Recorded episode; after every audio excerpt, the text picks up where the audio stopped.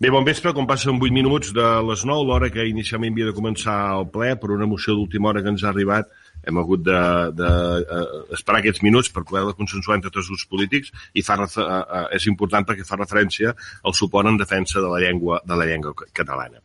Uh, és un punt, uh, un ordre del dia amb 15 punts a l'ordre del dia, més uh, aquest, aquesta moció, el 16, que seria el darrer, però també hem de dir que el punt número 9 i el punt número 10 que fan referència al projecte de remodelació de les instal·lacions de l'enllumenat públic d'Arbúcies i de l'expedient de, de, de contractació i licitació, doncs eh, quedarà sobre la taula perquè la persona que ha portat el tema és en Martí, en Martí Pastells, i és qui ens faria l'explicació més ben feta de tot plegat i eh, per un problema personal eh, avui no, no, no ha pogut venir. Un problema sanitari, vaja. No, no es troba bé i avui no ha pogut venir. Per tant, ja hem consensuat amb, els altres, amb tots tres grups polítics de que eh, deixaríem aquests dos punts a l'ordre del dia. Per tant, la, quedarem amb 14 punts. El primer és la lectura i aprovació, si s'escau, de l'acte anterior, que entenem que si ningú diu el contrari s'aprova per unanimitat, donat que recordem una vegada més que és, eh, és el 100% de la gravació del ple, és l'acte, per tant, eh, si ningú té res que es vulgui treure per un moment determinat alguna cosa, doncs ho donem per, per, per aprovada. Sí? Tothom d'acord, oi? Ningú diu res, per tant entenc que sí. No, no, el segon punt és la presa de possessió eh, de la nova regidora de, per part de la candidatura Unitat Popular, la senyora Mercè Delgado Bellmonte. Si és tan amable, ens posem d'en peus altra vegada. Engegui el micròfon, si és tan amable. Uh, presa de possessió de la senyora Mercè Delgado Belmonte com a regidora de l'Ajuntament d'Arbúcies amb la candidatura Unitat Popular Alternativa Municipalista CUP. Donat que el passat 24 de gener el regidor del CUP, senyor Josep Lluís Ribas i Montpel, presentar a aquest Ajuntament instància manifestant la seva voluntat de renúncia al càrrec, de la qual es va donar compte en el ple municipal del dia 11 de febrer es tramita la sol·licitud oportuna davant la Junta Electoral Central en data 17 de març del, del 22 a rep la credencial a favor de la senyora Mercè Delgado Belmonte, el 17 de març del 22, que l'acredita com a candidata al càrrec de regidora per estar inclosa i ser la següent a la llista presentada per aquesta candidatura Unitat Popular Alternativa Municipalista a les darreres eleccions municipals que tingueren lloc el 26 de maig de 2019. Eh, tot seguit anem a llegir la fórmula de jurament o promesa establert pel Reial Decret 707 barra 79 de 5 d'abril, eh, que diu el següent. Senyora Mercè Delgado i Belmonte, jureu o prometeu per la vostra consciència i honor complir fidelment les obligacions del càrrec de regidora de l'Ajuntament d'Arbúcies amb lleialtat al rei i respectar i fer respectar la Constitució i l'Estatut d'Autonomia de Catalunya? Prometo per imperatiu legal. Doncs molt bé, molt amable, moltes gràcies. I és vostè regidora de ple dret. El primer punt de l'acte anterior no podia votar encara, però en aquest, a partir d'ara ja pot vostè eh, al 100% totes les funcions com a regidora d'aquest Ajuntament. El tercer punt de l'ordre del dia és donar compte al ple de la liquidació del pressupost de l'Ajuntament de l'exercici 2021, eh, que hi ha un superàvit de 243.000 euros, 243.822, per ser més exacte. Senyora Artigas, com a regidora d'Hisenda.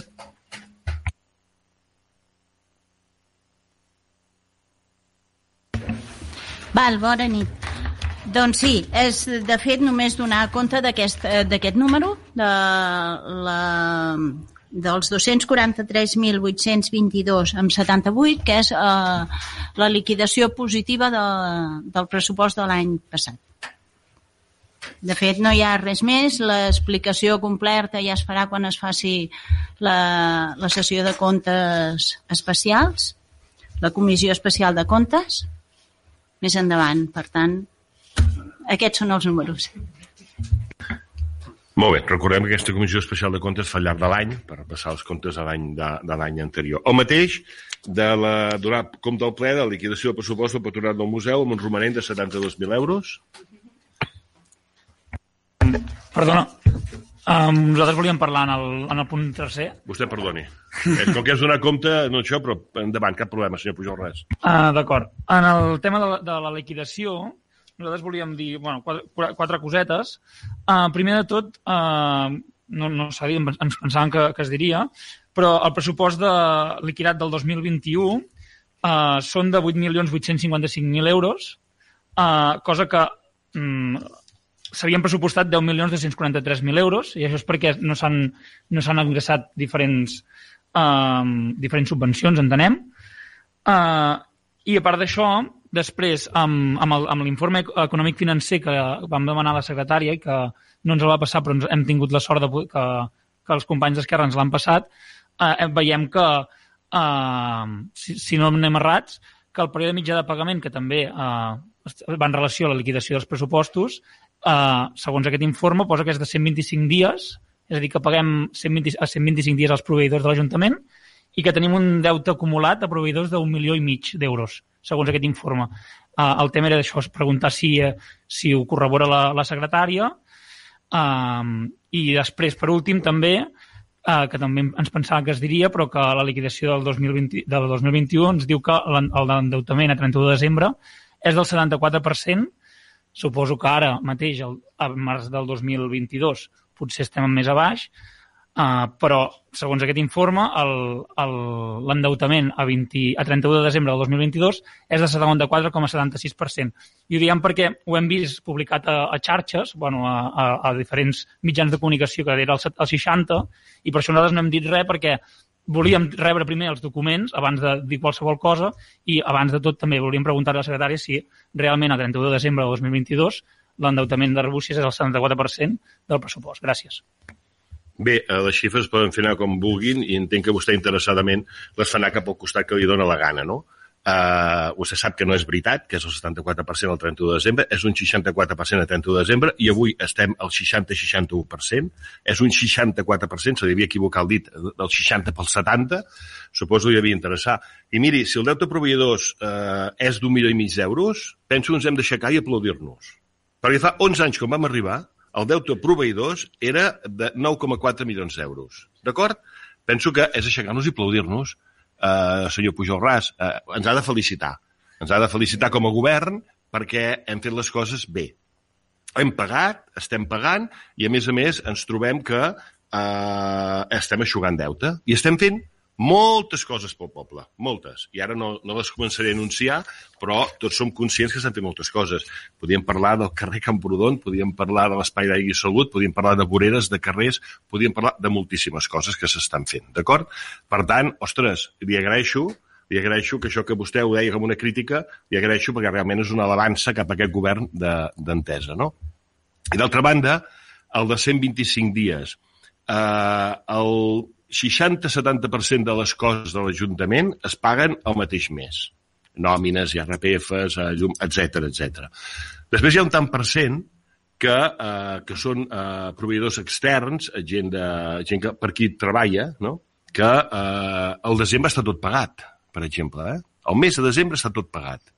Per tant, el mes de desembre, a finals de febrer, són 60 dies, no són 90. Ara bé, ara bé, què és el que distorsiona? I li vaig explicar, els hi vaig explicar en el- la informativa del ple. Eh? distorsiona les grans obres, distorsiona les obres del Glòria.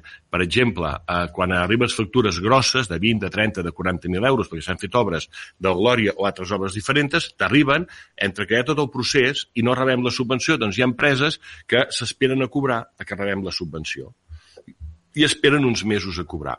Llavors, és cert que hi ha algunes empreses que potser triguen 4, 5 o 6 mesos a cobrar. És cert, però sempre està consensuat amb l'empresa. No és per lliure. El 85-90% de les factures del dia a dia al mes de desembre està tot pagat. Quedaven aquestes coses per pagar. Algunes d'elles també quedaven per pagar perquè la mateixa empresa, doncs, eh, recordo unes factures molt concretes que entre totes de la mateixa empresa pujaven cap a 100 i escaig, 1.000 euros, que per temes eh, comptables eh, l'empresa havia entrat, havia entrat d'una forma errònia a l'Ajuntament, es va haver de tirar enrere la factura, que en fessin una altra, etc etc. no? Tot això sí que pot comportar que a vegades hi hagi un decalatge, no? Però la veritat, la veritat és que, miri, tothom cobra, els treballadors, tothom cobra el 100%, i, a més a més, eh, cap empresa, cap empresa es nega a venir a treballar a l'Ajuntament d'Arbúcies ni per l'Ajuntament d'Arbúcies. Cap ni una. Perquè cobren. I cobren a 60-90 dies. És cert. Però el 90%, el 80, el 70, ara no sabia dir quin és el percentatge, de les coses es paguen el mateix mes. Eh? Començant, òbviament, per les nòmines de la gent treballadora d'aquesta casa. Per dir aquí, senyora secretària? No, només que no sé a quin informe fas referència perquè... Informe econòmic financer. Um, però és que en l'expedient de... No, no està, no està inclòs, això és una de les coses que li vam dir, en el, vam, vam, li vam dir a- al senyor al- al Batlle, que nosaltres el volíem, aquest informe, i no se'ns ha fet és que, arribar. Aviam, el que no pots... O sigui, si, eh, o sigui, jo el que estic dient és que jo no el tinc dintre del, de l'expedient de l'Ajuntament. Com pot ser que ells el tinguin? En el ple de pressupost. Ah, perquè una cosa són els informes que van amb el pressupost i una altra són els informes de la liquidació. Clar, no té res a veure. Clar, Clar, l'informe econòmic financer fa referència al pressupost que tu estàs aprovant. Que Clar, són uns altres números. no, ja, però al final, o sigui, això correspon a la liquidació del 2021. O sigui, aquest document no, no té a veure amb el pressupost del 2022. O sigui, no, és, és aquest document fa referència a com estàvem el dia 31 de desembre del 2021. Vale, però, eh, o sigui, jo el que vinc a dir és que hi ha, cada expedient inclou els seus informes.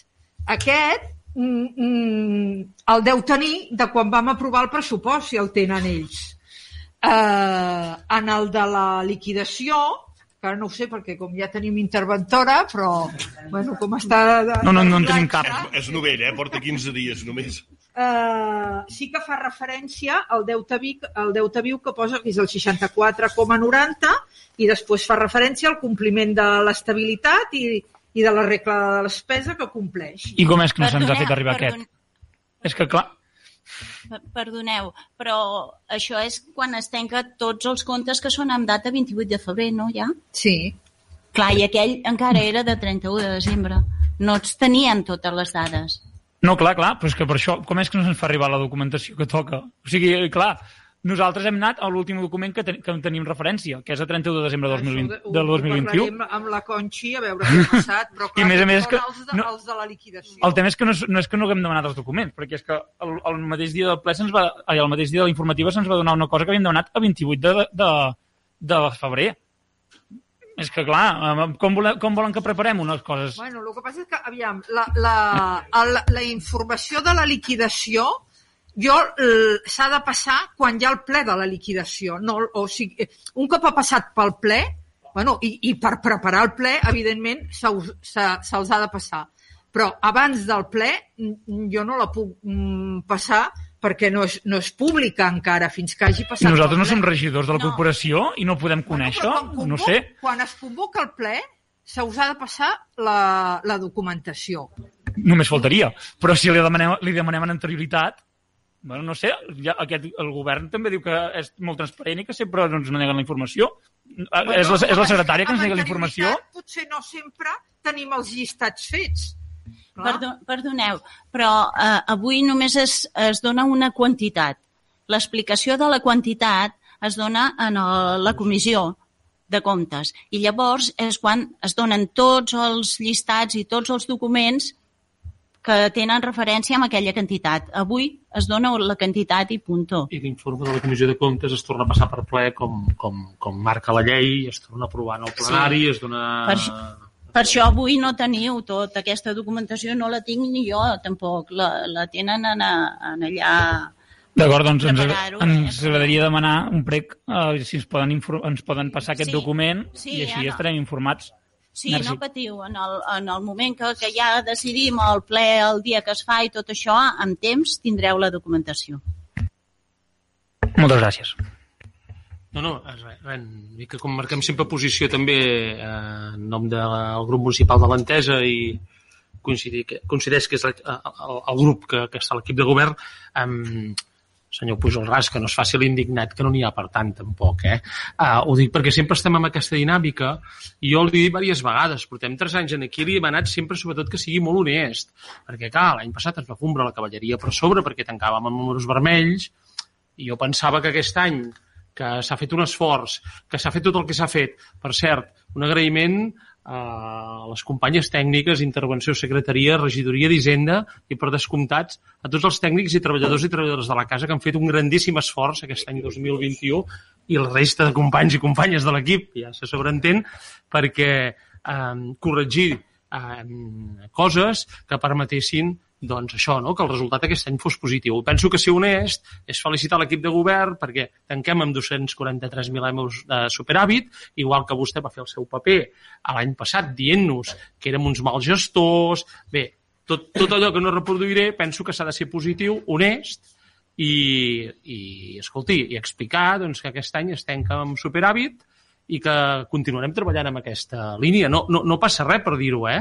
Uh, com deia vostè fa un moment, som companys de consistori i tenim el mateix grau i el mateix interès, el grau de responsabilitat, el mateix interès que això tiri endavant, perquè si tirem endavant l'Ajuntament tots i totes, segurament estarem fent una bona gestió també de les vides dels nostres ciutadans arbuciencs i millorarem moltes coses. Per tant, home, uh, ja no li dic que s'aixequi i ens aplaudeixi, però com a mínim sigui honest i digui, doncs miri, aquesta tendència ens agrada, aquesta és la inèrcia que s'ha de portar, i no venir a fer aquí el paper de l'indignat perquè hi ha un informe que no té el mateix equip de govern.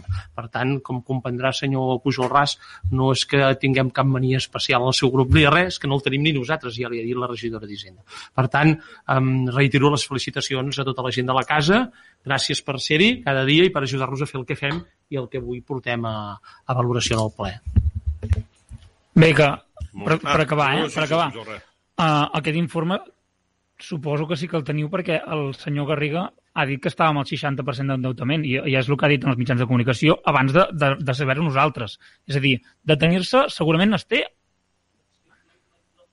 El, és igual, el, el tema és... No confongui tenir la dada en tenir l'informe. No Val. confonguem. I l'altre tema- no confonguem, l'altre eh? tema A que anàvem- Gol I veure la jugada del gol d'un partit, a veure tot el partit. Jo no- jo no- jo no he l'arribada tallat. d'una cursa amb tota la cursa. Jo no he tallat a ningú. Preguntar, jo vaig preguntar quin era l'endeutament. Jo vaig preguntant cada dos per tres Senyor Garriga, jo no he tallat a ningú. que me vagin... M'havia donat la- donat la havia la paraula. La pregunta.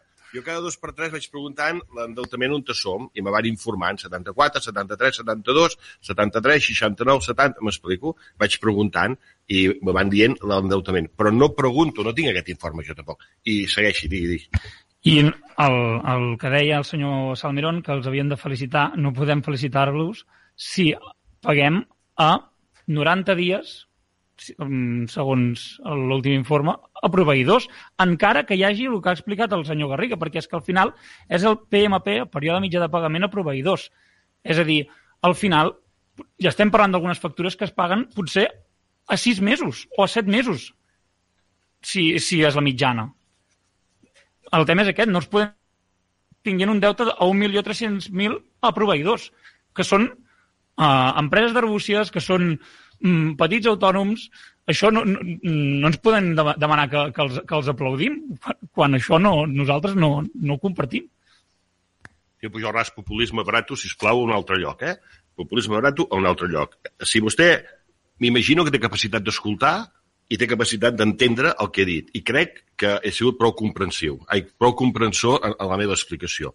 He dit que la gent a qui se li devien alguns diners eren grans obres, per exemple, el fons europeu, l'empresa que està fent eh, les obres de la Gavella i les obres de, del, del Vescomtat de Cabrera, del Centre de Divulgació i Interpretació del Vescomtat de Cabrera, és una empresa que va facturar directament al Consell Comarcal de la Selva. I el Consell Comarcal de la Selva ens ha de cobrar a nosaltres. Això va eh, eh, via eh, certificacions. Quan certifiquen hi ha tot un procediment a darrere que porten la factura al Consell, el Consell les valida, bla, bla, bla, bla, ens envien a nosaltres la nostra part, etc etc etc. I aquí darrere hi ha un pla de pagament consensuat amb el Consell per fer-ho fàcil, tots plegats, certificació a certificació. A mesura que hi ha una certificació, es paga. Perdoni, eh, ara hem pagat la certificació número 5, em sembla. Fa un any que duren les obres, o més, un any i mig, eh? eh potser això és de la factura de, de, de novembre. Sí, és veritat. D'aquesta empresa, gran empresa que està fent aquestes obres. No és de cap autònom ni de cap petit treballador d'arbúcies ni de cap botiga d'arbúcies. Reitero el que he dit al principi. Populisme barato, poquet, sisplau, d'acord? Perquè no ens cal, no ens cal aquesta manera demagògica de fer política. No, no somrigui, senyor Pujol Ras. No somrigui amb aquesta ironia hipòcrita, sisplau, eh? No somrigui, d'acord? Que a vostè li interessa fer veure que tot va malament, que tot, tot és un problema. És la seva manera de fer la política, d'entendre la política. Que vostè vol que Arbúcies es torni a confrontar amb dos pobles barallats entre ells, és la seva manera de fer política. No és la nostra, d'acord?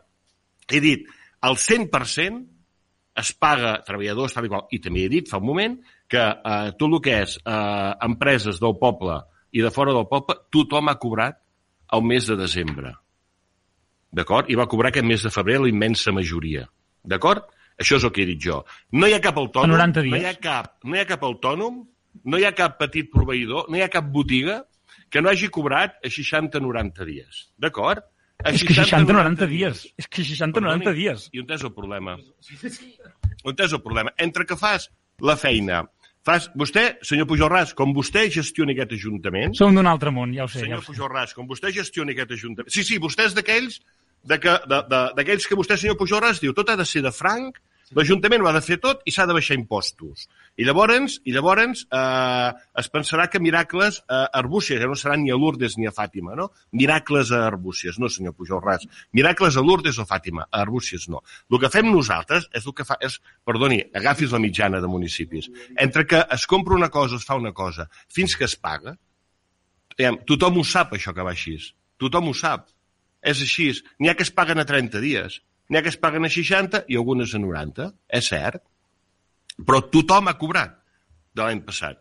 Menys, òbviament, com li acabo de dir, alguna d'aquestes certificacions, però perquè hi ha tot un sistema de pagament del qual nosaltres no en som propietaris. Sí que ens arriba, amb el conveni que ja ha signat del FEDER de fa un any i pico, un any i no sé quan, el FEDER Diputació i després el FEDER Consell, són dues obres diferenciades, el que és Gavella Gavella i el que és l'edifici de Camparet, etc. Són dos FEDERs diferenciats, i llavors a, a, aquí és veritat, però aquí nosaltres no en som responsables. No en som, no, no en som, no en som culpables, perdó, perquè està fet d'aquesta manera, i la certificació que s'ha pagat aquest mes abans, em sembla que és la cinquena, em sembla que és la cinquena, eh, és obres que s'han fet a l'octubre i novembre. És cert, però escolti que ens ha arribat ara, eh? És cert que tenim això per pagar. Sí, però és aquesta mega empresa, d'acord? Hi ha altres obres, també ho he dit abans, d'empreses que estaven fent coses, del Glòria, per exemple, l'arranjament de camins. Doncs, bueno, a la que hem rebut la subvenció, aquestes empreses eh, accepten, accepten, diuen, no, no, quan rebeu la subvenció ens pagareu. Fantàstic, genial. Empreses com aquestes són bones. En tot cas, el que hauria de fer és eh, responsabilitzar-se vostès que tenen diputats al Parlament de Catalunya, de per què les subvencions arriben tard. Per què se'ns obliga a fer l'obra? I facturar-la, en alguns casos, i en alguns casos pagar-la. D'acord? En altres casos se'ns permet eh, facturar, demanar els diners per a la subvenció, el cas de Diputació, i després pagar. En cas de Generalitat se'ns obliga fins i tot a pagar-la. Doncs, I clar, llavors la Generalitat paga com paga. Perdó, la Generalitat ens deu diners a l'any 18 i l'any 19, no Arbúcies a tot Catalunya. A tot Catalunya. D'acord? Potser aquest és el problema de l'economia local. Que els de més amunt gestionen fatal o no gestionen prou bé el que és el sistema econòmic del país. I es dediquen a mm, dedicar-se a fer grans, a sortir als diaris dient que invertiran tant aquí, tant allà, però després a l'hora de la veritat els ajuntaments no rebem aquests diners. D'acord? Aquest és el sistema de funcionament. I aquest és el que és ara mm, i serà d'aquí cinc anys independentment de qui hi hagi en aquest Ajuntament, perquè això ve de més amunt, no ve de nosaltres. Eh? I estem prou contents de que ara estiguem a 60-90 dies. Estem contents, sí, sí. Perquè si agafem l'històric de l'Ajuntament, descobriríem coses que segurament eh, li farien pujar la vergonya a tots plegats. A tots plegats com a administració, eh, em refereixo. A tots plegats com a administració. O sigui que, sisplau, eh, entenc que vostè faci el seu discurs, entenc que a vostè li interessa fer aquest discurs de cara als seus, ho entenc perfectament, però eh, ha d'entendre que no pugui compartir aquest discurs, perquè és un discurs demagògic, no és un discurs realista. Jo, per, per acabar, eh, no diré res més, uh, només volia dir que, uh, segons el Ministeri d'Hisenda i, i, a més a més, uh, l'últim publicació de, del diari van dir que Arbúcies està en el top 5 d'ajuntaments que paguen més tard als seus proveïdors i està, en el top 5 de municipis més endeutats de Girona. Vostè diu, comparo amb, amb, amb municipis veïns. Doncs top 5 dels municipis que, que paguem més tard als nostres proveïdors, top 5 de municipis que devem més als proveïdors. I ho deixo aquí. No, jo, jo no diré que és, que és un demagog, jo no, no em ficaré en el seu nivell. Mm, jo només estic dient les xifres que veiem, que veuen els meus ulls i que estan apuntades i que les poden consultar Tots vostès i tota la ciutadania d'Arbúcies. Ves al, al Ministeri d'Hisenda i també digue'ls que s'equivoquen, que tot, que és, que és normal, que estem orgullosos de pagar 90 dies, cosa que trobo una aberració, perquè no aniré a un restaurant i els diré d'aquí 90 dies ja passaré a pagar. Trobo vergonyós, és a dir, encara que la gent ho faci i encara que l'administració ho faci, ho trobo vergonyós. I hauríem d'intentar pagar mínim a menys d'un mes. És el que jo penso. Doncs ja està. És que, I si no es pot, no podem estar tres mesos. Aquest és el tema. Mm, no sé. Senyor Pujol Ras, li recordo que la llei diu 60 dies. 30 per a la factura i 30 per pagar. Diu 60 dies la llei, eh? Uh, òbviament, si vostè va a un restaurant, li, li he dit abans, una altra vegada, vull dir, no es tracta de posar-se al meu nivell, no, no, ja sé que no, ja sé que no s'hi pot posar al meu nivell, però, escolti, uh, òbviament, quan parlem de segons què, ja he dit abans que es paga 30 dies.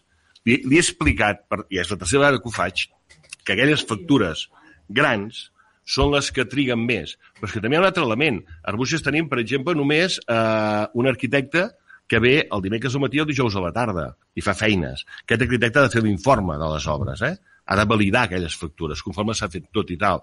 Nosaltres no som un ajuntament dels altres. Eh? I el Ministeri pot cantar missa, diu vostè, i el diari pot dir el que, el que cregui cada dia, d'acord? Però tots sabem que no és cert. I en tot cas, potser si ho han tret, a part de les seves, dels seus errors, que no hi entro, m'agradaria saber de quin mes és això, m'agradaria saber de quin mes és això, i m'agradaria saber si eh, tots els ajuntaments són tan honrats com nosaltres que potser hem enviat tota la documentació. Eh? Que m'agradaria saber si tots els ajuntaments fan això. Que estic convençut que no. Arbúcies, eh, paguem eh, de mitjana mm, per sobre de la mitjana de, del país. Més aviat. I m'atreviria a dir i repet, bueno, és igual, repeteixo, eh? vull dir, el, els, els grans, les grans obres són les que ens fan desviar això. Són les que ens ho fan desviar. El dia a dia, les empreses del dia a dia no. Les empreses del dia a dia el que fan és cobrar a 30 o 60 dies, que és el que fem. Ara, si vostè vol agafar la mitjana perquè li interessa políticament, doncs s'està enganyant a vostè mateix, està fent trampes al solitari que vostè mateix juga.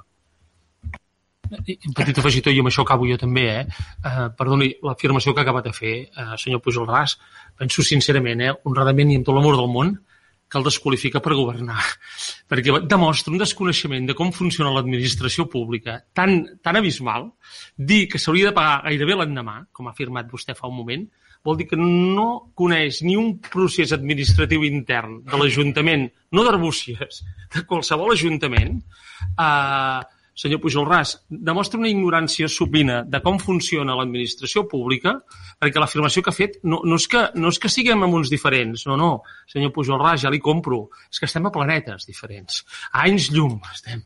Um, per cert, el diari també deia que correbien 10.000 soldats russos per Catalunya, que jo no conec ningú que els hagi vist, uh, i jo el primer. Val? Per tant, home, abans de donar per bona una informació periodística, contrasti les dades, com li deia el senyor alcalde, no? D'on surten aquestes dades, amb quines dates i tal. Perquè el que val és la bona feina que fa la gent de la casa, que són funcionaris públics, i avui som nosaltres, senyor Pujol Ras, m'estic dirigint a vostè mentre vostè parla amb la seva companya. Mm, senyor Pujol Ras, no li interessa el que li estic dient o és que veig que enraonava amb la seva companya mentre jo enraonava amb vostè i ni mirava ni res, pensat potser que era més interessant el que li explicava la seva companya. Doncs això, senyor Pujol Ras, el que val és que el que fa la gent de la casa, que són funcionaris públics i que avui som nosaltres, demà hi haurà un altre govern, um, però ells hi seguiran sent. I la seva feina la fan molt ben feta, que és el control, el seguiment eh, i sistematitzar tot un sistema d'hisenda pública que no inventa l'entesa, ni inventa la CUP, ni inventa el grup d'Esquerra Republicana, sinó que ens ve donat. I el que fem és adaptar-nos, senyor Pujol Ras. De debò, si necessita que a vegades li ampliem informació així, estem oberts a, a fer-ho, eh? cap problema. Uh, senyor Salmeron, convido que escolti el, la, el ple i vostè veurà que he dit 30 dies que són altra gent que ha dit el dia següent, i dic, oi tant, i el dia següent, però que sàpiga, que escolti, escolti el ple, escolti'l, sí, el, perquè... el convido. Jo, no, i si m'he equivocat, el proper ple diré, senyor Garçamero, mira, tenia raó, Miri, doncs això, però això, el dia, però espero que passi el mateix si s'ha equivocat vostè.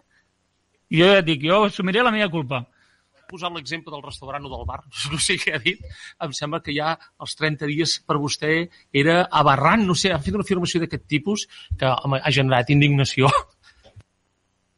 Però al final de tot, escolteu, Uh, allò més important és que hem donat 243.000 euros de superàvit del pressupost de l'any passat.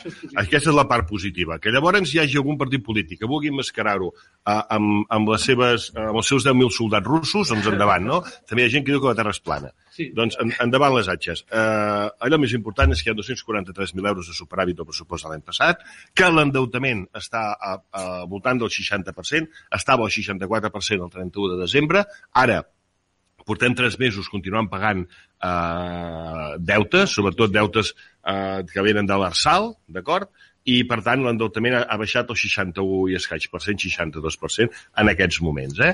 Això és allò més important. I també allò més important està que el 80% de les factures es paguen a 60 dies, que tothom cobra 30 dies a final de mes i que es paga tot a final de mes i que només hi ha unes factures grans que es paguen més enllà d'aquests 60 dies que són els que distorsionen.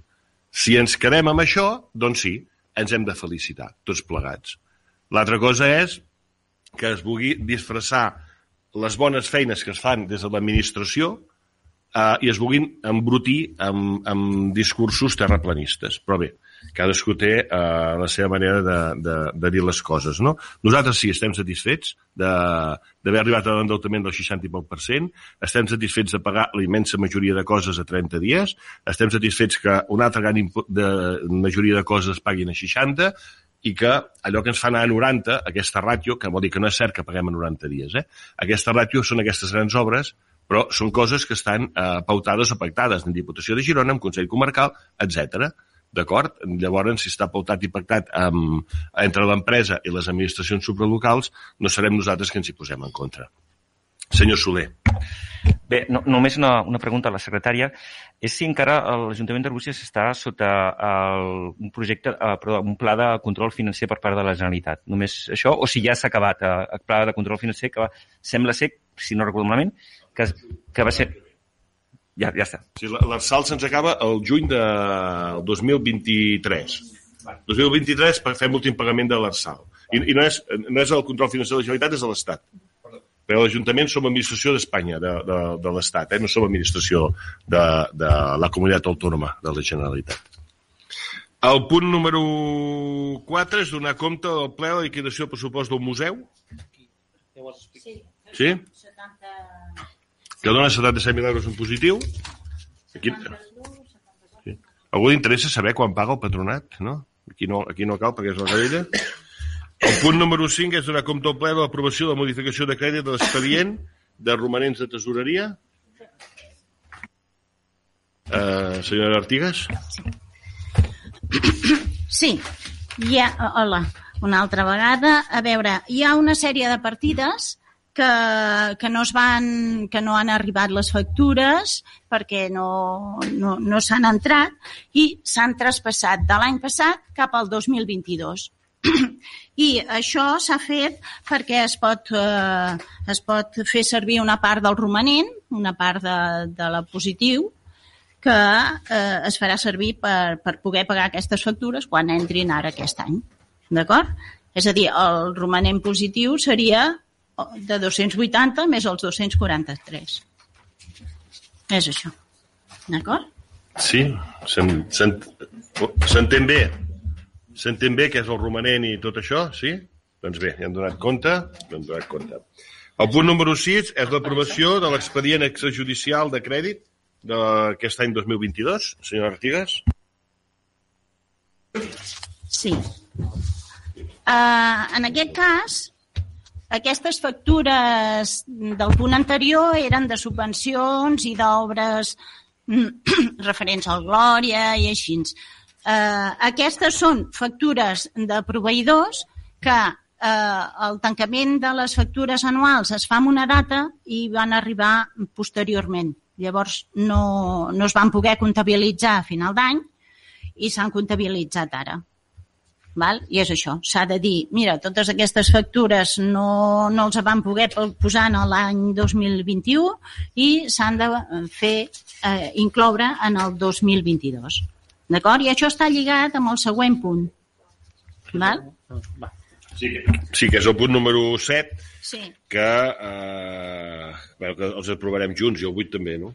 Fem un, de tots plegats en fem un, no? Sí, també. Es pot fer, no? Sí, sí, sí. Senyora secretària? Sí. Bueno, si, si coincideixen els... Si coincideixen Sí, els vots, si m'imagino que serà a El favor sí- el govern en El contra 6 i de el l'oposició. 7, sí. El 6 és reconèixer aquestes factures i el 7 és eh, aprovar el suplement de crèdit per, per eh, poder pagar aquestes factures, que també es treu de, del romanent, de, Sí, sí. De la part positiva. I el 8 és començar l'expedient. D'acord? Uh, temes, preguntes, paraules, suggeriments? Senyora Pujol, senyor Pujol Ras?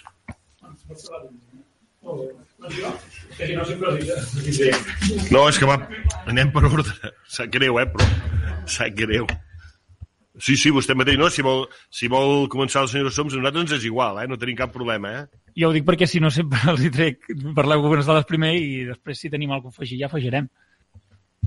Bona nit, gràcies. De fet, sempre dius el que després hem de dir nosaltres. Um, no, nosaltres simplement en aquests punts pel que fa al, al 6 i al 7, com, com bé ens ha explicat avui, ens va explicar la informativa la senyora Artigas, venen de factures eh, que no s'han pogut posar l'any anterior. En aquest cas estem parlant d'aquests 110.000 euros i ens, ens estranyava que sent el primer trimestre s'hagués de, de suplementar ja amb aquesta quan- quantitat. I llavors sí que en el que nosaltres veiem que no acabem d'entendre és el, el punt número 8, aquests 10.000 euros d'interessos que just en vam parlar el dia de la informativa, vam quedar que ja en parlaríem abans, però no, no, no, no hem tingut respostes o que avui en parlaríem. Aviam, eh, què són aquests 10.000 euros d'interessos? Eh, aquí també sí que és cert que, que en l'informe, l'informe, perdó, la proposta que tenim aquí escrita sí que ens diu que hi ha d'haver una memòria de l'alcalde, que hi ha d'haver un informe de la secretària, que, que des, també hi ha d'haver un informe d'intervenció i tampoc, um, com aquí diu que hi és, tampoc els tenim aquesta vegada, els informes. Per tant, uh, aquí sí que diu que hi són, però en aquest punt en concret tampoc els tenim. I era la... Ah, em pensava que m'estava collonant, senyor Garrigara. Perdó. doncs eh, eren aquests tres informes tampoc els tenim i tampoc sabem d'on venen aquests, aquests 10.000 euros d'interessos que vam parlar el dia de la informativa. D'acord. Uh, aquests 10.000 euros d'interessos són de uh, un augment en els interessos, que, uh, bueno, en els interessos no, les comissions bancàries que ens estan pujant i llavors hem de fer una provisió extra i també amb amb una mica de previsió per si de cas haguéssim de demanar un crèdit d'aquest any com que estan pujant tota, totes aquestes quantitats, ja hem fet la previsió de més o menys el que ens pot variar de lo que ja teníem previst.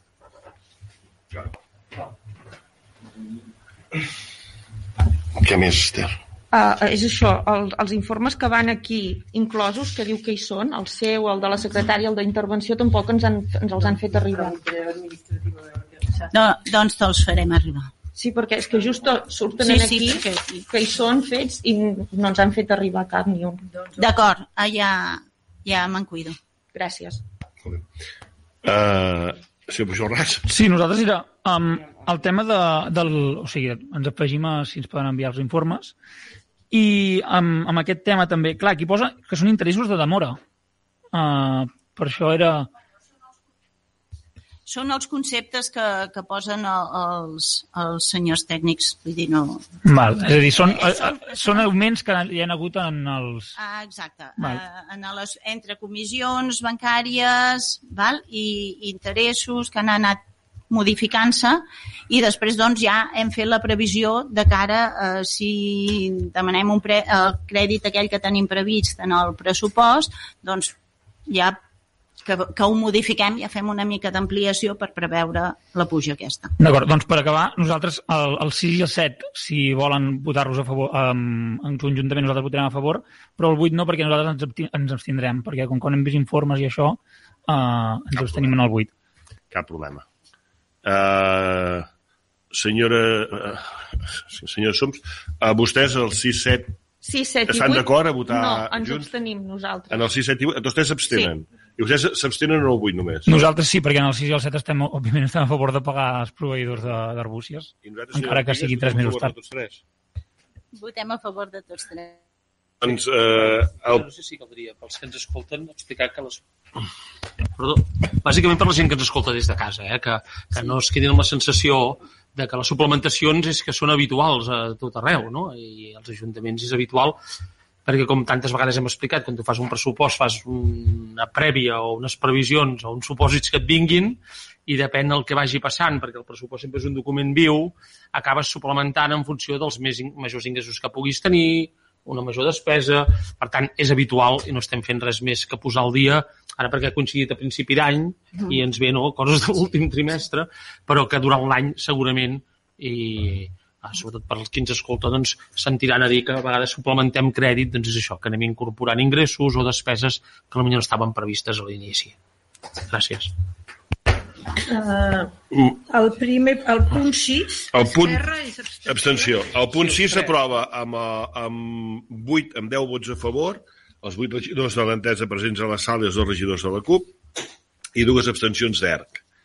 El punt 7, igual, i el punt 8 s'aprova amb vots a favor els 8 regidors de l'entesa i 4 abstencions. Els dos regidors de la CUP i les dues regidories de- d'ERC.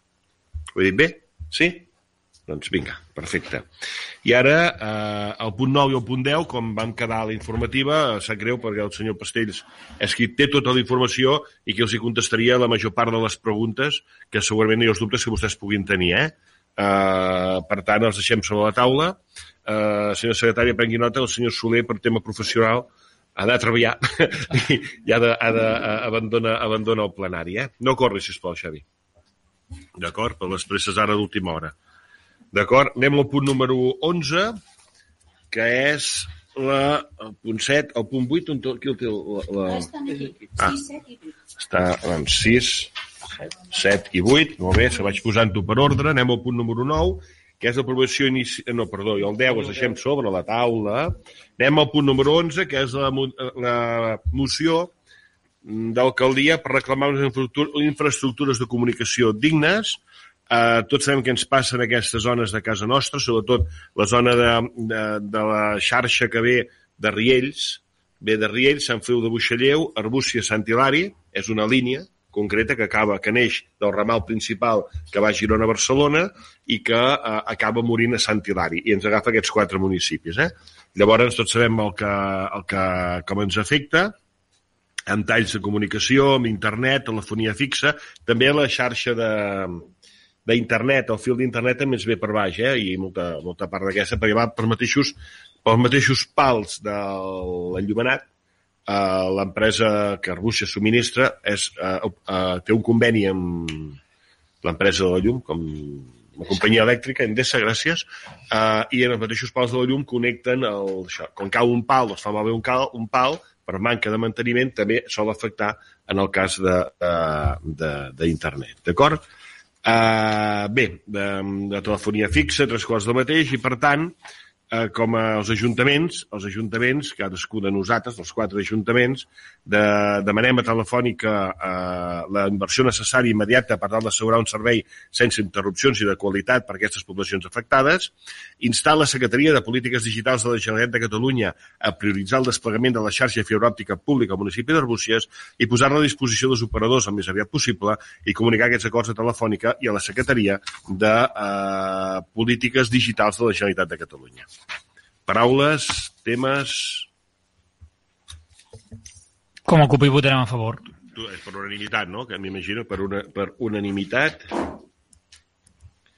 Molt bé, el punt número 12, la moció número 12 és la moció de suport en defensa del sector agrari del món rural.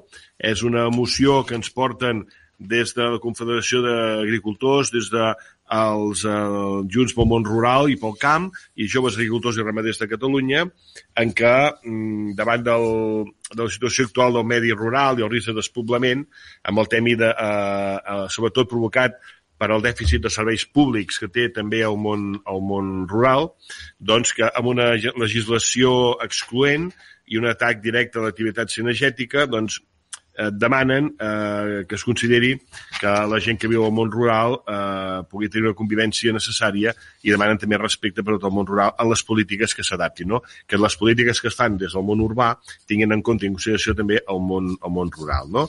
I eh, les reivindicacions principals passen pel tema dels serveis socials, els plans formatius d'ocupació, passen per les, energies renovables, eh, buscant el menor impacte al territori, eh, el pla de xoc de l'increment de costos de produccions agràries, com el tema del gasoil, etc, el tema de l'aplicació de la llei de la cadena alimentària per garantir els preus, o sigui que eh, l'agricultor, el ramader, l'apicultor, etc eh, co- cobri allò que dignament li, li toca i que l'intermediari no sigui el que s'enriqueix el s'enriqueix a costa de, del, del, del primari, del que està fent, està fent tota, tota la inversió i tota la feina per a garantir la cadena alimentària, passa perquè els ajuts agraris compensin eh, les inversions mediambientals de benestar animal i de seguretat alimentària, passa per un control de les importacions de tercers països, a vegades comprem eh, nous vingudes de Turquia, no? Nous o avellanes, que són... Eh, avellanes, perdó, avellanes vingudes de Turquia, no? Quan aquí a Brunyola tenim eh, un dels principals centres productors d'avellanes de, de Catalunya, no? Però, clar, és molt diferent el tema de sous i salaris d'allà, el tema de, fins i tot, el tema de, de, de normes i de lleis de la gent que estan allà treballant, no? normes sanitàries, lleis fitosanitàries, etc etc de la gent d'altres països, i això fa que les nous que venen de fora siguin més barates que les d'aquí. Dic nous per posar un exemple, eh? podríem parlar de pastanagues, de patates, podríem parlar de tot el que volguéssim, eh? fins i tot de carn de vedella, que, que és més barata a la que ens ve d'Argentina que no pas la que tenim aquí al Pirineu. No? Eh, són coses absolutament absurdes, no? que, però són coses que ens trobem avui en dia. És la promoció i defensa de l'activitat cinegètica com a control de la fauna, les condicions de contractació laboral, que permeti també la temporalitat, perquè tots sabem en un agrari en un forestal eh, hi ha temporades, hi ha temporades de recollida de la fruita, hi ha temporades, etc. Eh, les assegurances agràries que siguin assumibles, la reducció de les tarifes elèctriques, aplicant la doble potència pel sector agrari, la facilitat perquè els joves es puguin incorporar al sector agrari i com també eh, les dones, que malgrat encara estiguem a l'any 22 del segle XXI, eh, ho tenen més difícil, ho tenen més magre que no pas eh, el sector masculí, i el pla de promoció d'aquest agroturisme generant riquesa al medi, però respectant sempre la mateixa activitat agrària del nostre país. No? Per això ens demanen que acordem fer una crida al conjunt de la societat catalana a mobilitzar-se per defensar el sector agrari i el món rural, sumant-se al moviment eh, Som eh, Rural Junts pel Camp, Vinema, eh, és el moviment del Vinema, eh, que volem pagesos i ramaders que continuïn als seus pobles produint aliments per a tots i totes. Així mateix instem el govern a modificar les seves polítiques per preservar el món rural en el risc de desaparèixer. Aquesta moció eh, era també per donar suport a la manifestació del 20 de maig, no, ma, som el 20 de març, el 20 de març ja ha passat, perquè el ple es fa avui, que és el dia 30, però en tot cas eh, no podem donar suport a la manifestació perquè ja està feta, no? Però sí que ens demanen que si els hi podem igualment doncs, enviar el suport d'aquest Ajuntament, com han demanat el suport a altres ajuntaments d'arreu del Principat dels Països Catalans, de suport en defensa del sector agrari i del món rural. Preguntes, temes, suggeriments? No, com a CUP dic que ens abstindrem en aquest, en aquest punt perquè, eh, com ja ha dit el senyor Garriga, eh, anem tard en presentar aquesta moció perquè ja s'ha fet la, la, la concentració i, per tant, eh, com a CUP ens abstindrem. Nosaltres eh, veiem que totes les reivindicacions que es fan a, en aquesta moció des de, des de la conselleria s'estan portant a terme i les que no s'estan treballant perquè es portin a terme. Eh, evidentment que tot el que sigui donar el suport al món rural i que s'assumin eh, i que s'arribi a acords amb la conselleria els hi donarem suport. Molt bé, això també obert. Molt bé, doncs per tant s'aprova per els vots a favor dels regidors de l'Entesa i ERC i l'abstenció dels dos regidors de, de, de la CUP. El punt número 13 és la moció en defensa del cànon sobre la disposició de residus de Catalunya. Tothom sap que eh, a Catalunya des de fa molts anys està establert un cànon de residus, un cànon que fa que quan portem les nostres deixalles a l'abocador eh, ens paguem un tant i aquests diners van a la Generalitat i eh, la Generalitat disposa d'aquests diners del sobrant, eh? entre el que costa mantenir la planta de tractament de residus i el que paguem per cada tona de residus. Aquest sobrant és que la Generalitat de Catalunya el dedica a millores, a millores, a, a millores de, de, de deixalleries, de recollida d'escombraries, etc etc. D'acord? Ara el govern d'Espanya de, el que... Perdó, i això ens ha portat que la mitjana a Catalunya estigui, de la recollida de residus estigui al voltant del 40%. 40% del residu que es fa a Catalunya es, es recicla no? sigui en una planta de tractament de, de residus, sigui en una planta de tractament de residus orgànics, sigui el plàstic, sigui la de tractament de vidre, etc etc. La roba, els olis, eh, tot això, d'acord? Eh, a Espanya, eh, de mitjana, i comptant que Catalunya estem al 40 de mitjana, a la, a tot el que sigui el territori d'Espanya està per sota del 30, si agafem la mitjana, d'acord? I ara Espanya el que vol fer és que, com que el 2025 eh, tota la Unió Europea ha d'estar al voltant del 40, el 40% de reciclatge, doncs ara Espanya agafa i vol eh, quedar-se tots els impostos dels residus, tot el tema de, que hi ha en aquests moments eh, que estem pagant, no? I vol crear una taxa única per tots els abocaments de residus, etc etc etc. Això vol dir que eh, aquests diners que fins ara recaptàvem a través de la Generalitat de Catalunya i que servien, repercutien al 100% amb millores del tractament de residus, creant plantes de residus o fent el, a, altres coses, doncs aquests diners ara desapareixeran d'aquí, s'aniran tots a Madrid i Madrid els redistribuirà a nivell de tot Espanya com consideri. La qual cosa pot ser doncs, un greuge, perquè si Catalunya recapta 100 milions d'euros, no tens cap garantia que et vinguin, et tornin els 100 milions d'euros. No?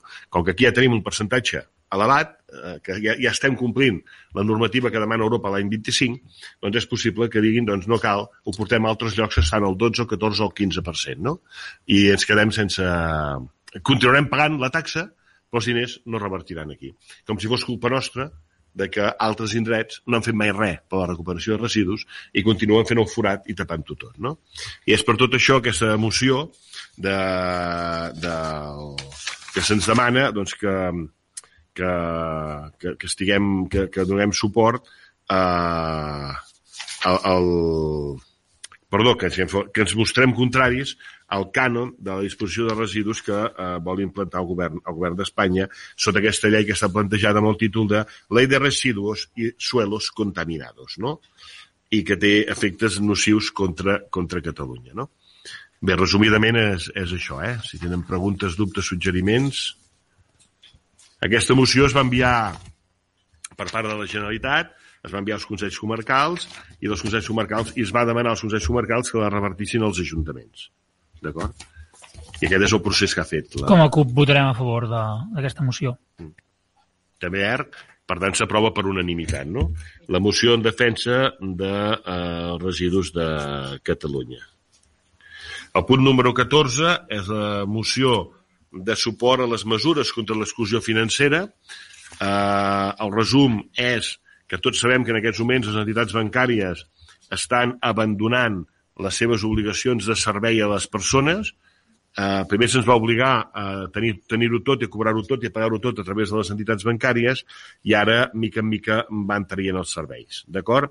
Llavors, el que se'ns proposa és denunciar la gestió feta per aquestes entitats financeres que, malgrat tenir mils de milions d'euros de benefici, doncs no han incorporat la gestió de les seves eh, entitats al dret d'inclusió financera tant de persones com de territoris, instar a les institucions i administracions en competència a actuar de manera immediata per revertir aquesta situació, instar el govern d'Espanya a vetllar pel compliment de les entitats financeres dels decrets de protecció dels consumidors i usuaris per fer front a aquestes situacions de vulnerabilitat, vulnerabilitat social i econòmica i eh, donar suport a l'iniciativa del Govern de la Generalitat que ha presentat una proposició de llei per garantir el servei de caixer automàtic en els municipis en risc d'aquesta exclusió financera. I també comunicar aquests acords, òbviament, a la Generalitat de Catalunya i a la Federació d'Associacions de la Gent Gran de Catalunya, que són d'on surta, d'on surt aquesta proposta, eh? Surt de l'associació, de, perdó, de la Federació d'Associacions de la Gent Gran de Catalunya. Són ells els que han estat recollint les signatures, els que han fet tot i que l'estan portant a les diferents administracions. També ha fet el mateix procediment de Generalitat, els Consells Comarcals, i ara se'ns demana als ajuntaments que ens posicionem. Paraules, temes, suggeriments, unanimitat? Doncs s'aprova per unanimitat a tots els regidors presents. Som 11 regidors presents en aquests moments. Recordem que falta el senyor Martí Pastells per part de l'Entesa i el senyor Xavier Soler per part d'ERC. El 15è és la declaració de... en suport al dret a l'autodeterminació del poble saraui. tots sabem eh, que eh, el poble saraui està ocupat amb un 90% per al govern, per a l'exèrcit del Marroc i que s'està fent fora la gent de- d'aquests territoris i estan s'estan repoblant per gent vinguda del Marroc precisament. Tothom sap que hi ha els camps de refugiats a la zona del Tinduf, Algèria. Alguns hi hem estat, eh, fins a, personalment tres vegades, en aquests camps de refugiats, eh, intentant ajudar i col·laborar amb tot el que sigui possible. Recordem que a Arbuixes tenim un, un protocol d'amistansament amb el poble saraui d'Aunia, Eh, recordem que aquí es feia fins fa poc colònies on acollíem mainada d'aquest camp de refugiats de Jaunia, eh, que venien aquí a passar l'estiu. I bé, no deixa de ser una situació com tantes altres que es viuen, per desgràcia, d'ocupació de, de països per part de tercers països. No? En aquests moments, eh, el govern espanyol eh, ha canviat la seva dinàmica pels motius geoestratègico-polítics que desconeixem, bueno, jo menys els desconec, us puc imaginar, però no m'atreviré a, a dir-los aquí públicament perquè els desconec, però suposo que té molt que veure amb l'entrada de, de les tanques a Melilla i totes aquestes històries, i ara, eh, de no voler reconèixer mai eh, l'ocupació, ara reconeix l'ocupació del de, eh, Sahara per part del Marroc i defensa un estatut d'autonomia, si model espanyol. No? A més de la independència, doncs, eh, l'estatut d'autonomia. Uh, òbviament això l'enfronta amb, amb ens enfronta amb Argèlia, que és d'on te comprem el gas, i suposo que darrere hi ha també la situació geoestratègica per deixar d'anar comprant gas a Argèlia i anar comprant als Estats Units, que és més car, no?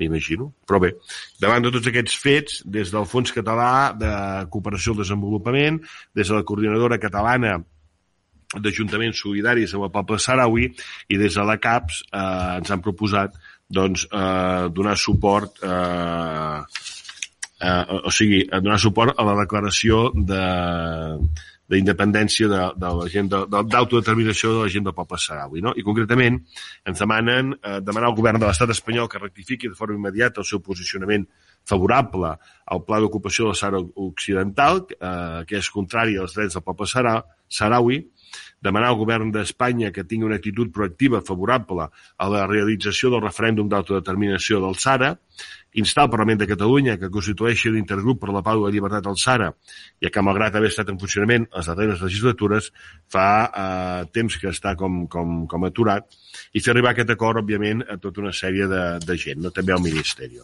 Paraules, temes... Com a, com a CUP, òbviament, votarem a favor d'aquesta proposta. Eh, també. Per tant, s'aprova per unanimitat el suport a les mesures contra l'exclusió, eh, perdó, en suport al dret d'autodeterminació del poble saraui. Ens anem al pregs i preguntes i abans del pregs i preguntes anem a votar la urgència d'una moció que ens ha arribat eh, fa poca estona i que hem consensuat al principi, per tant els tres grups polítics la signaríem, que és la moció... No, er no, perdó.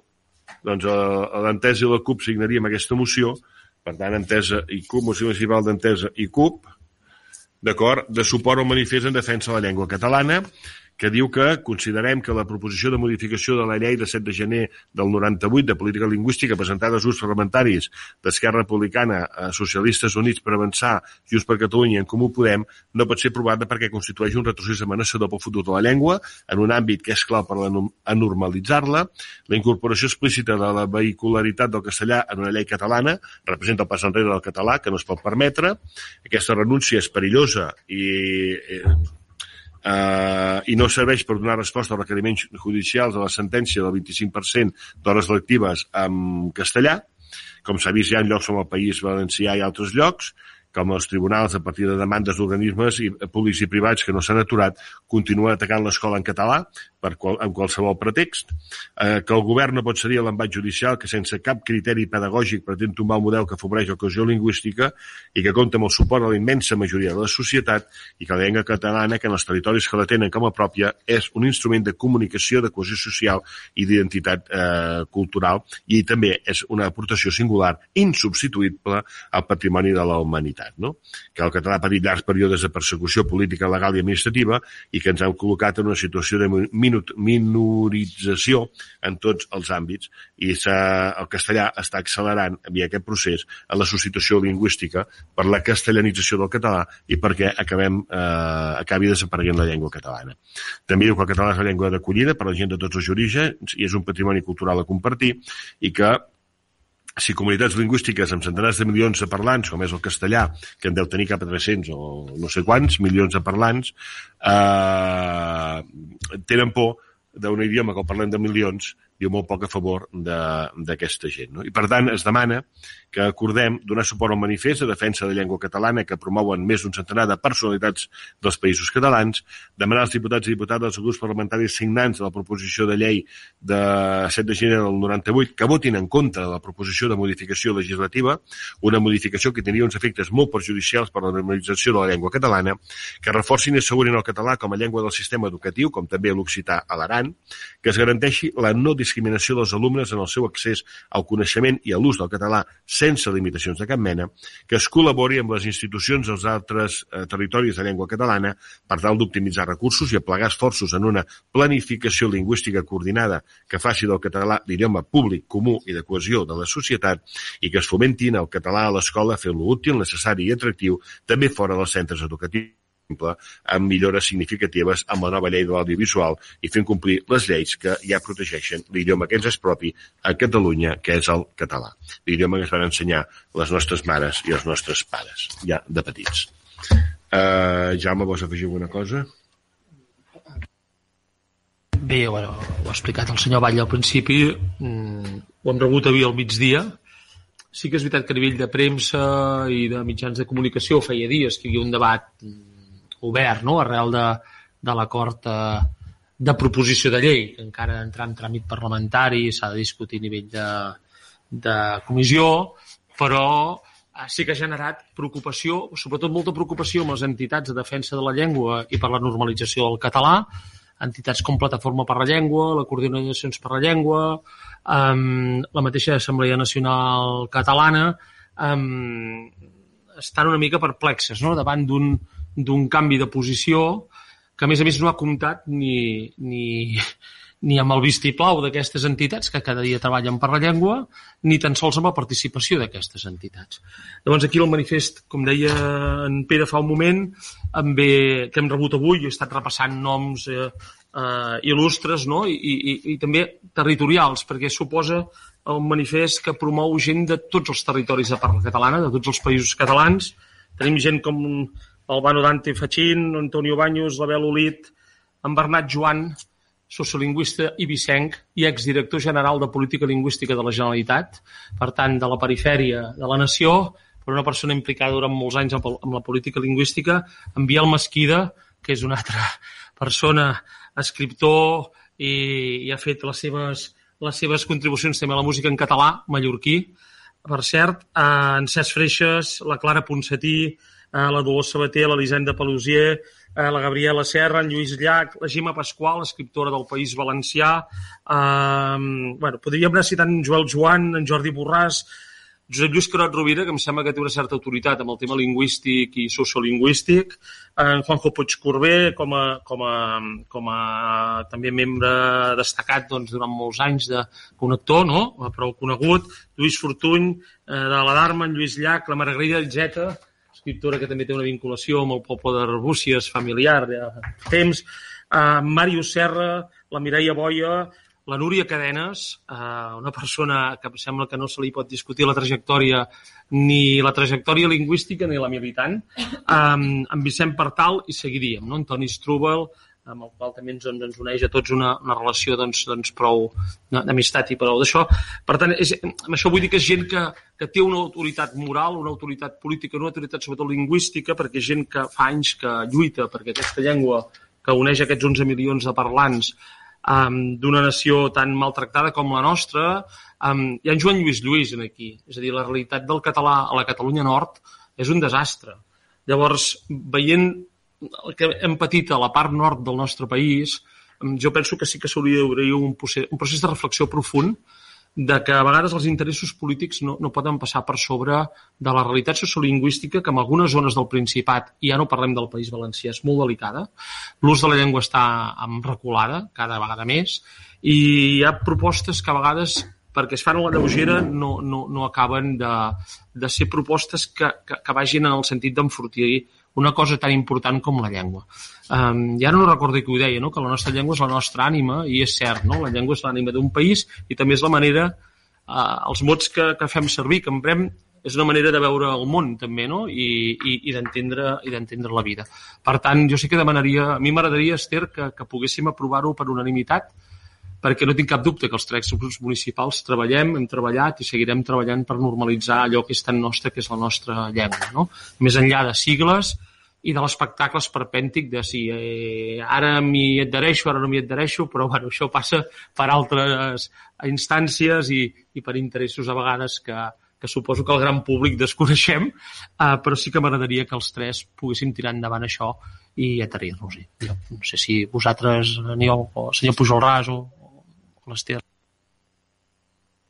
Bé, com a CUP és obvi que, que subscriguim tot, tot el que ha dit el senyor Salmerón i a més a més també volíem deixar constància a l'acte que aquest dissabte es fa una manifestació a Barcelona amb el títol de que no ens pretanyen la llengua, escola pública i en català i que també mm, si es creu convenient podem afegir que convidem a, a tota la ciutadania i fins i tot ens adherim al convocatori d'aquesta manifestació en defensa de l'escola pública en català i, i de, i en aquest sentit de la vehicularitat de, del català a l'escola.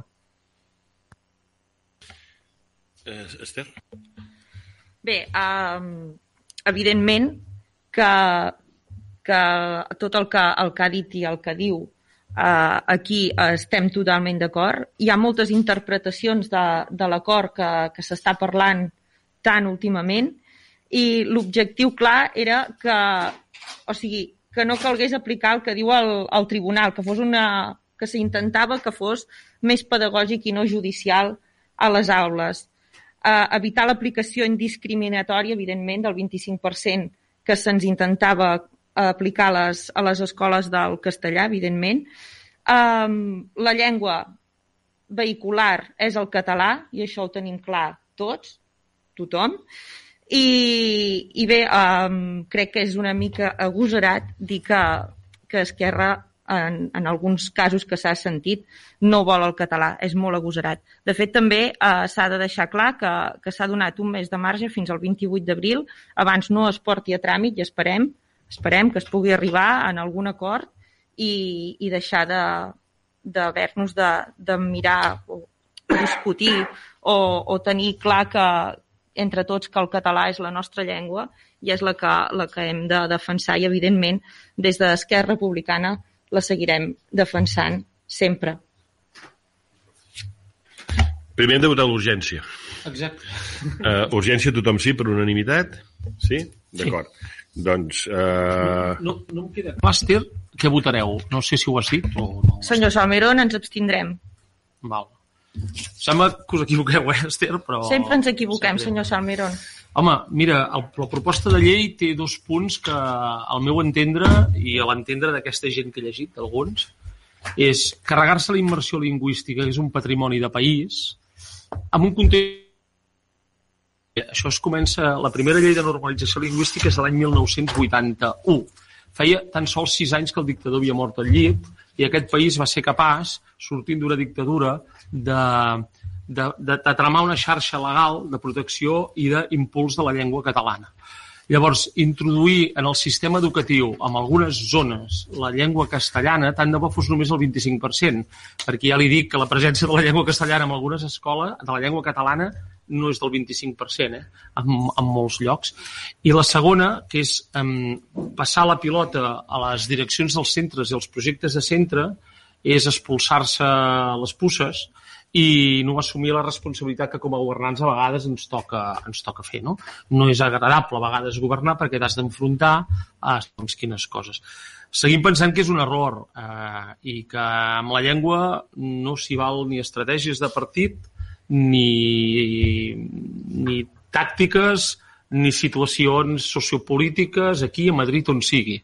Amb la llengua no es toca. I això em penso que l'escola catalana ho té molt clar, la societat catalana ho té molt clar, i no acabem d'entendre, i aquestes personalitats així també ens ho diuen, eh, hi ha personalitats que tenen molts colors polítics, eh? no és que hi hagi un sol color polític, em sembla que és prou ampli, no entenem aquesta posició, Esther, t'ho dic seriosament, com a, com a grup municipal. Eh?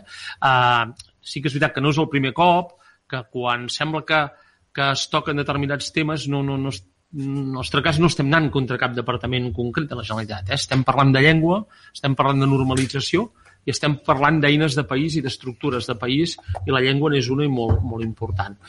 Perquè afecta la identitat i el sentiment de la gent, també. I no hi ha res pitjor en el món social així que, que desapareguin les llengües, no? Si desapareix una llengua, desapareix una manera de veure el món.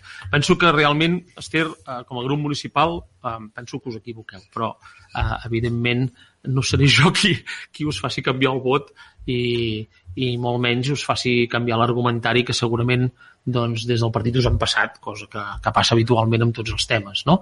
Però, de debò, mm, tu que pots, o vosaltres que podeu, obrir una reflexió serena dins del que és l'estructura de, del partit, perquè amb el tema de la llengua, de debò, els mateixos sociolingüistes ens estan dient que no, no anem bé i, i no anem bé vol dir que en un procés d'aquest tipus no estem parlant de centenars d'anys, estem parlant d'un procés de desaparició que pot ser de 20-25 anys, pot ser que el català quedi com una llengua residual.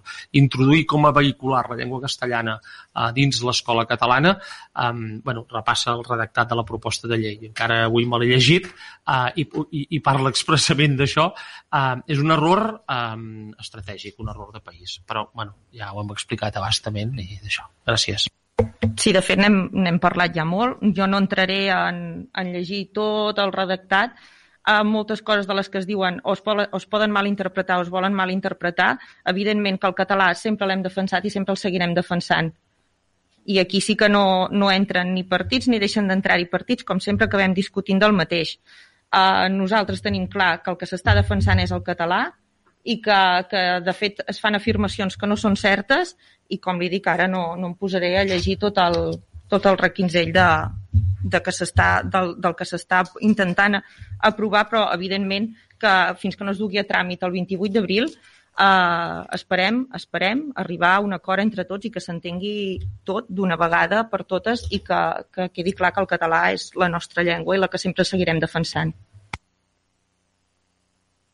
que jo, jo, jo diria que, que, que ningú ha dit el contrari, eh? penso que sí, eh? que fins i tot hi ha gent com en Carot Rovira que ningú li nega, exconseller vicepresident primer de Catalunya amb Esquerra Republicana, no? hi ha altres encers, hi ha altra gent, no? Ningú dubte. Suposo que en Jaume anava més en aquesta línia, no? Sí, sí. A més en aquesta línia, que si hi ha gent que ha fet reflexions en aquest sentit, doncs això. Senyor Pujol Ras? Bé, jo suposo que és perquè també em toca bastant amb el tema educatiu. Uh, jo només... Dos, dos coses que canvien uh, respecte a la, la proposició aquesta de llei que s'ha entrat respecte a la que hi havia.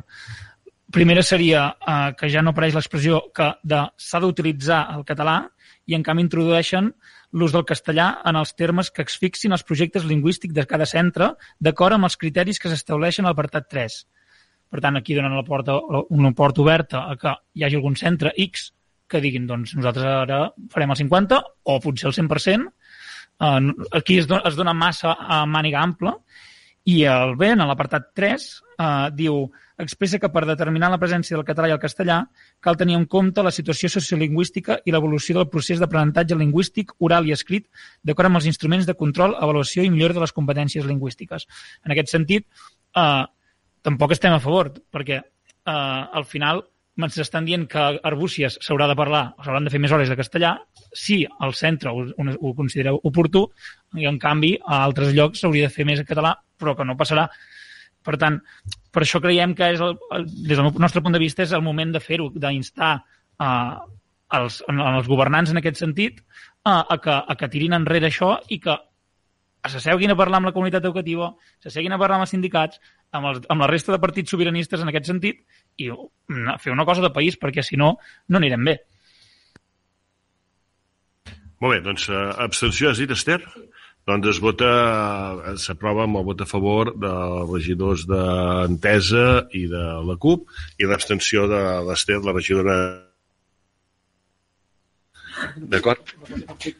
Sí, sí, sí, el grup de, de la CUP si vols, i afegim el punt més aquest que dèieu de donar suport a la manifestació de... El 2 de, el 2 de, és 2 a les d'abril de a... la tarda, Ara, des de plaça. Sant Jaume fins al Parlament, crec que és el recorregut. Per tant, si, si Correcte. els dos grups ho veieu bé, doncs també hi afegim aquest punt i donaríem suport a la Mani i tothom que pugui que hi vagi i és important que omplirem els carrers i, i això, que, que, que caminem per la llengua.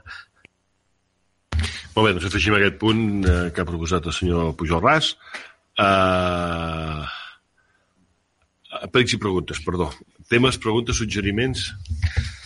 Uh, ha donat la casualitat que el, hi ha persones que m'han preguntat pel carrer sabent que, que m'incorporava que arrel del canvi de la web eh, no troben les, eh, els informes de les juntes de govern, que, ai, dels decrets eh, d'alcaldia, que sempre havien estat, i dels juntes de govern, juntes de govern, de, exactament, que sempre havien, les juntes de govern es trobaven fàcilment i ara no hi ha manera.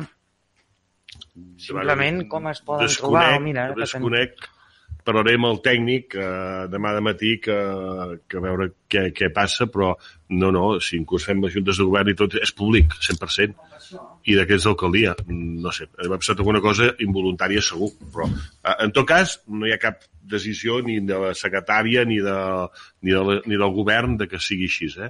No, I de no. web, entenc, per això. És possible que amb el canvi de... Bueno, les modificacions hi ha coses que salten sense voler i ja està. Uh, demà al matí mm, miro què és i així que sàpiga la, la truco. Bueno, no tinc el seu número, trucaré al senyor Pujol Ras i li explico. I ja està, no?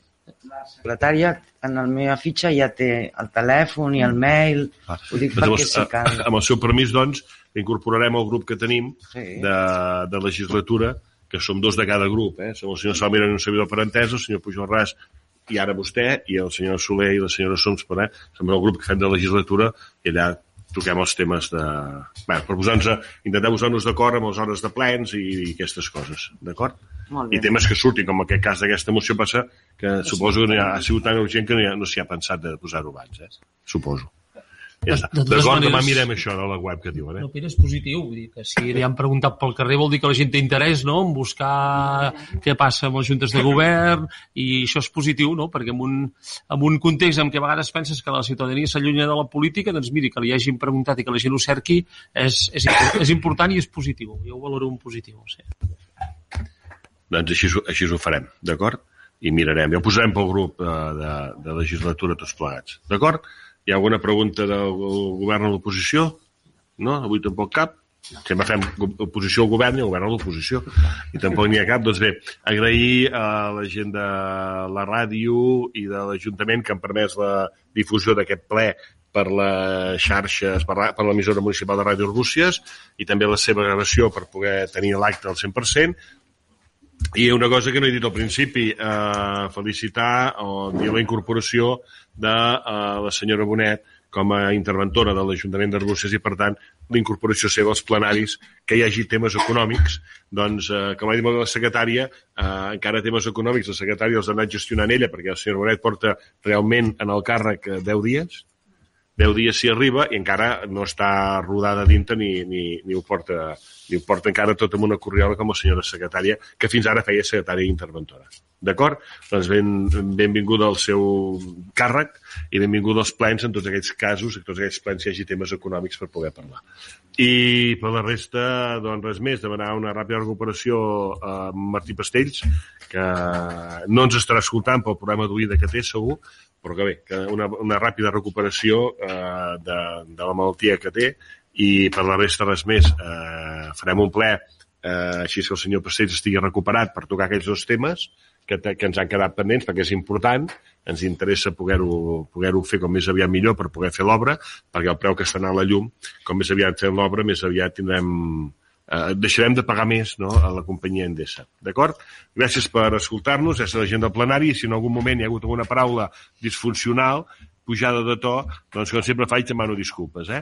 Però ja saben que sóc així i, i senyor Pujol Ras, vostè sap a vegades que sap quin botó tocar perquè salti jo, eh? Ja ho sap de sobres. Com sempre hem dit, però, les coses del plenari queden al plenari i gràcies a Déu la, la, el tracte personal després continua vigent fora, més enllà del plenari, eh? Disculpa si un moment eh, he saltat, però hauré de canviar els botons de saltar, eh, perquè no els trobi tan fàcilment. D'acord? El debat és positiu, eh? Sí, sí, sí, sí, el debat és positiu, però a vegades una paraula que no toca. El debat és molt positiu, però les paraules a vegades no toquen, d'acord? Uh, molt amables, gràcies i bona nit.